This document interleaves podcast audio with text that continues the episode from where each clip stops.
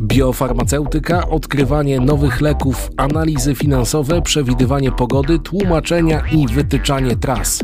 To obszary, na które w niedalekiej przyszłości wpłynie komputer kwantowy.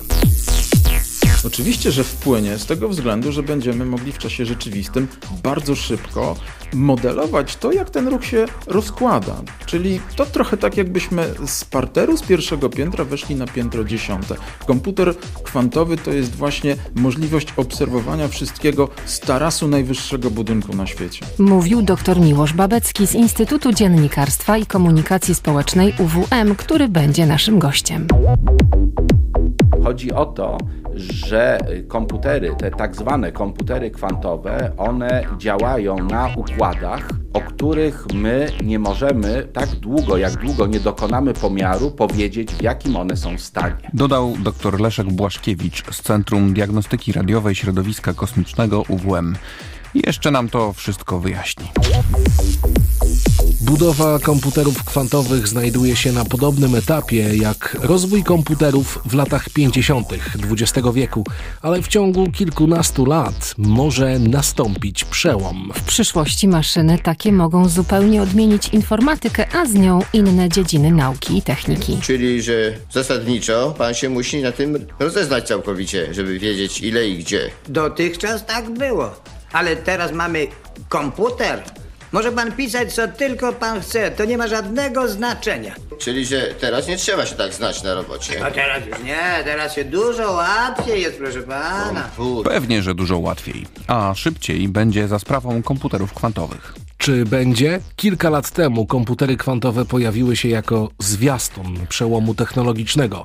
Ich rozwój napotyka jednak na bariery i często budzi wątpliwości. Na razie nie wyszły poza projekty badawcze. Gosia Sadowska, Przemek Getka. I Marek Lewiński. O przyszłości teraz rozmawiamy o komputerach kwantowych.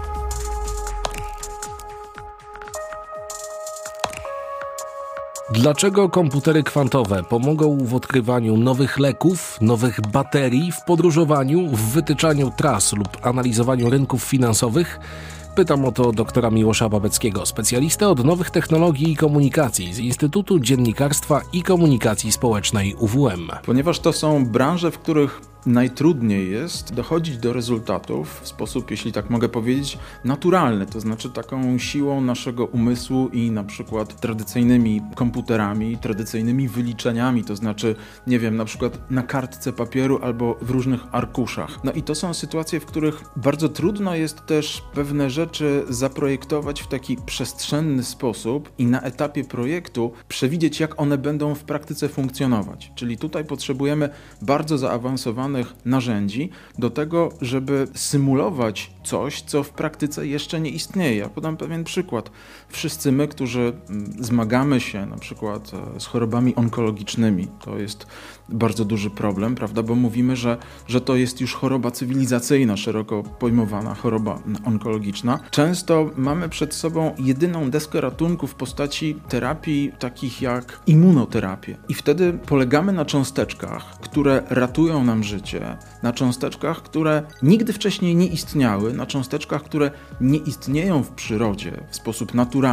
Ich nie można pozyskać, na przykład, nie wiem, w sposób taki, że naśladujemy jakieś enzymy czy jakieś związki chemiczne, które występują w naturze. To są materiały, to są cząsteczki, to są związki chemiczne, które powstały dlatego, że komputery kwantowe zasymulowały, w jaki sposób ludzki organizm mógłby na te związki, e, na te cząsteczki reagować. I to jest takie bardzo namacalne, to jest taki rezultat w zasadzie, z którego już teraz korzystamy i możemy powiedzieć, że tutaj komputery kwantowe w pewnym sensie ratują życie, ponieważ przemysł farmaceutyczny jest w zasadzie drugim na liście przemysłów, które najbardziej inwestują w rozwój komputerów kwantowych. A kolejna sprawa, ta o której Pan powiedział, kwestia związana z finansami, to kwestia w pewnym sensie pragmatyczna, to znaczy każdy chce zarabiać więcej, nikt nie chce tracić, a mówimy tutaj o globalnych graczach, którzy chcieliby wiedzieć, co się będzie działo na giełdzie. Ja podam pewien przykład takiej metafory wizualnej. Jeśli patrzymy na zapalony papieros i patrzymy na to, jak z tego papierosa ulatnia się dym, to tylko do pewnej wysokości ten dym ulatnia się w sposób przewidywalny. W pewnym momencie, na wysokości 10-15 cm,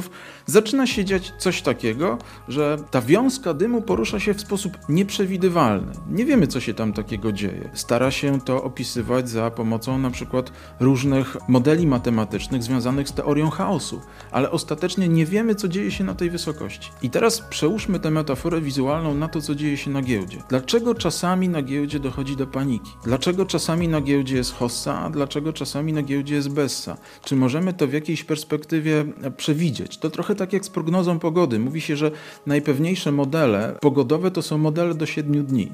A potem dzieje się coś takiego, czego nie jesteśmy w stanie przewidzieć. I ci najwięksi gracze chcą trochę podejrzeć przyszłość. To trochę tak, jakby chciał pan znaleźć prezenty, które ktoś na święta kupił i schował w domu. I do tego też mogą służyć komputery kwantowe. Już służą do podglądania trochę tej takiej przyszłości giełdowej. Ale musimy zatem powiedzieć, dlaczego mogą robić to wyłącznie komputery kwantowe, a nie te komputery i te procesory, którymi dysponujemy na co dzień, które są w każdym jednym domu. Ten procesor kwantowy jest w stanie, jak rozumiem, określone obliczenia dokonywać wielo, wielo, wielokrotnie szybciej. Tak, ponieważ tradycyjny komputer pracuje w taki sposób, że wykonuje zadania z listy kolejno. Więc jeśli tych zadań na liście jest tysiąc, to ten komputer wykonuje je w kolejności od jednego do tysiąca w jakimś czasie. Nawet jeśli bardzo szybko, to w jakimś czasie. Natomiast komputer kwantowy pracuje w taki sposób, że może te wszystkie obliczenia z listy tysiąca wykonać w tym samym czasie. Oczywiście to zależy od stopnia złożoności procesorów komputerowych, tych kwantowych. Ten, o którym teraz możemy powiedzieć i pomyśleć, czyli najszybszy komputer kwantowy na świecie, Osprey, wykonuje ich bardzo szybko, ponieważ składa się z 433 kubitów, więc jest w stanie wykonać takie obliczenia w czasie krótszym niż czas potrzebny na mrugnięcie okiem.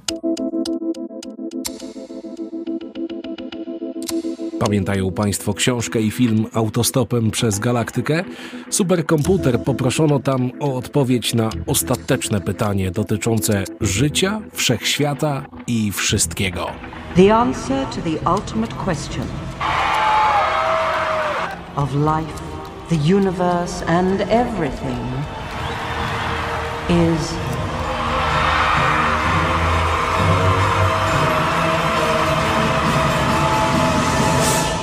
42. Tak, 42. Kto wie, może komputery będą kiedyś tak zaawansowane, że nie zrozumiemy ich odpowiedzi?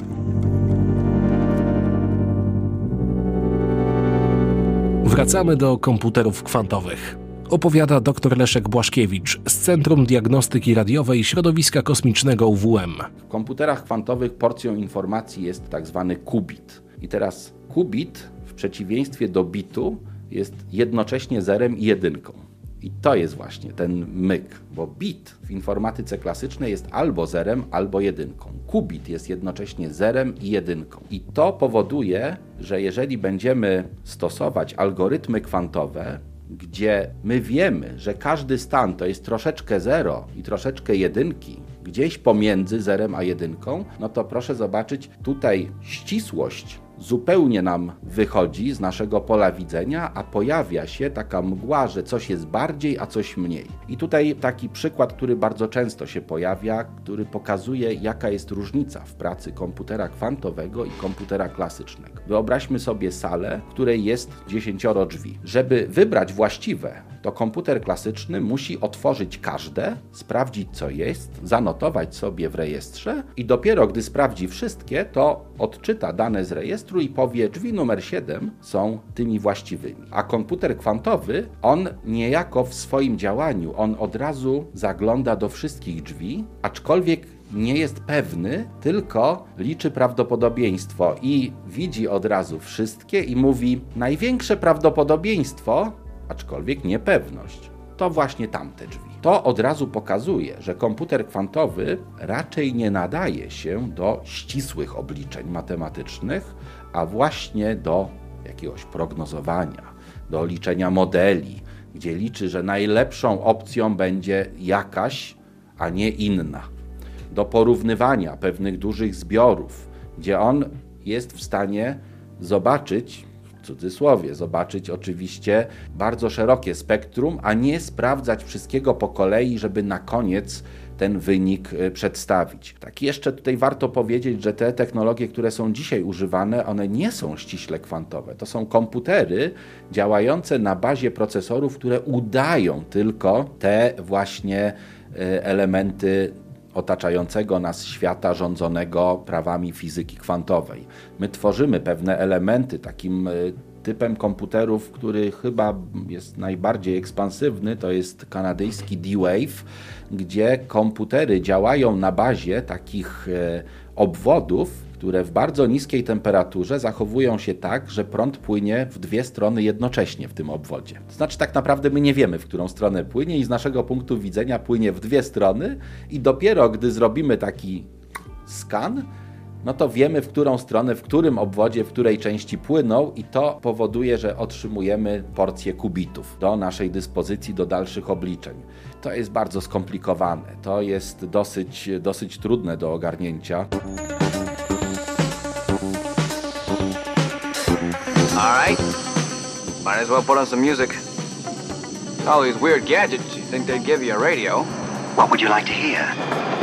What the hell was that?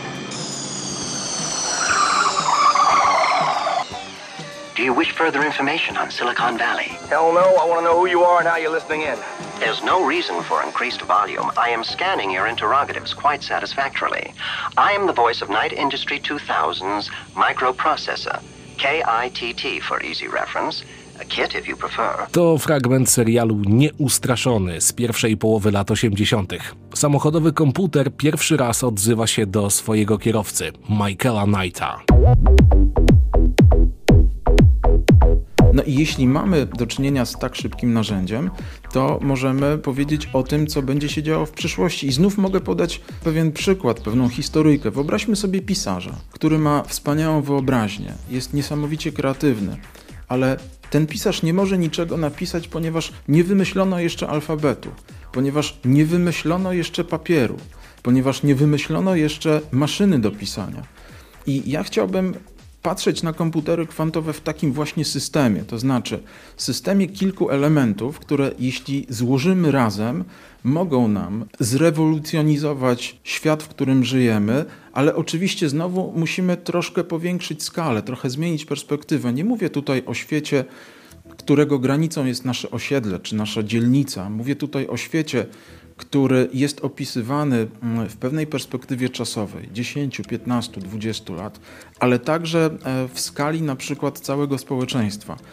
Zadajmy sobie pytanie, dlaczego na przykład Japończycy czy Koreańczycy południowi tak bardzo inwestują w technologie oparte na sztucznej inteligencji i tak bardzo inwestują w robotykę, ale tę, jeśli tak mogę powiedzieć, ludzką robotykę. Ponieważ to są społeczeństwa bardzo mocno się starzejące i tam osoby w podeszłym wieku nie tylko potrzebują opieki, jakiegoś opiekuna, nie można go zapewnić, ponieważ e, społeczeństwo się starzeje, ale ci, którzy są młodzi, niespecjalnie garną się do zawodów, które mogłyby w takiej opiece pomóc. W związku z tym i Japończycy, i Koreańczycy południowi inwestują w robotykę, w sztuczną inteligencję, ponieważ to będą asystenci, partnerzy, przyjaciele seniorów. Nie widać tego być może z naszej perspektywy, bo żyjemy w zupełnie innych realiach, ale jeśli popatrzymy na różne kontynenty i różne kraje na świecie, to tych kontekstów jest bardzo, bardzo wiele. Jeśli będziemy mieli odpowiednio szybkie narzędzie, odpowiednio szybki komputer kwantowy, będziemy prawdopodobnie mogli zasymulować takie procesy, które zachodzą w naszym mózgu. Będziemy mogli stworzyć empatyczną, myślącą maszynę. Oczywiście przy tej okazji bardzo często mówi się o tym, jakie to będą zagrożenia. Ale ja chciałbym nawiązać tutaj do pewnego sloganu reklamowego firmy Apple z 1997 roku. Może nie do końca poprawny gramatycznie e, slogan Think Different. Pomyśl inaczej, pomyślmy inaczej, myśląc nie o zagrożeniach, ale o tym, w jak pozytywny sposób technika kwantowa, komputery kwantowe mogłyby zmienić nasze życie. Już je zmieniają, ale mogłyby zmienić je w jeszcze inny sposób. Wróćmy jeszcze do modelowania, o którym mówił dr Leszek Błaszkiewicz. Modelowania, w którym tak mocne będą komputery kwantowe. To modelowanie, tak samo jak prognozy pogody, to jest bardzo dobry przykład tego, w jaki sposób mogą być wykorzystywane komputery kwantowe. Tak samo jak przetwarzanie bardzo wielkiej ilości danych, ale tak nie ścisłych danych, gdzie każdy bit jest ważny, tylko danych, z których najpierw sztuczna inteligencja wyciąga jakieś informacje, na przykład rozmowy telefoniczne, które wszystkie, jak wiadomo, są gdzieś tam e, monitorowane i tworzone są jakieś raporty i tworzone są jakieś pakiety informacji, które trafiają tu i tam. To też jest dobre zadanie dla komputera kwantowego, który pewnie byłby w stanie to zrobić szybciej. Jest dużo takich miejsc, gdzie komputery kwantowe, gdzie się napalono, gdzie kupiono te komputery kwantowe i nagle okazuje się, że nie do końca one się sprawdzają. Ta technologia jeszcze, jeszcze raczkuje, aczkolwiek no, póki co ośrodki naukowe, ośrodki badawcze taki, nad takimi komputerami się bardzo mocno pochylają, bo wiadomo, że prędzej czy później y, komputery i moim zdaniem hybrydowe trafią w końcu pod strzechy, czyli nie będą tylko urządzeniami bardzo drogimi e, i bardzo skomplikowanymi. Te właśnie D-Wave'y, o których wspomniałem, one pracują żeby tutaj nie skłamać, e, pracują e, w temperaturze 15 tysięcznych Kelwina, czyli to jest tylko, tylko taki malutki ciut powyżej zera bezwzględnego. W wysokiej próżni jedna miliardowa atmosfery, czyli próżnia mniej więcej taka jak w przestrzeni międzygwiazdowej pole magnetyczne i elektryczne absolutnie nie mogą mieć dostępu do tego właśnie układu działającego. Tak samo żadne drgania nie mogą go zakłócić, a przy tym jest pobór mocy na poziomie 25 tysięcy watów. 25 kW przy zwykłym komputerze desktopowym, który ma tam około, około 1 kW, to jest e, jednak sporo.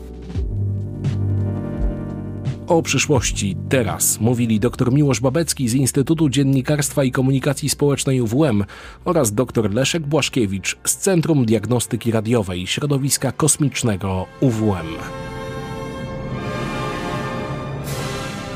What's the problem? I think you know what the problem is just as well as I do. What are you talking about, Hal? This mission is too important for me to allow you to jeopardize it.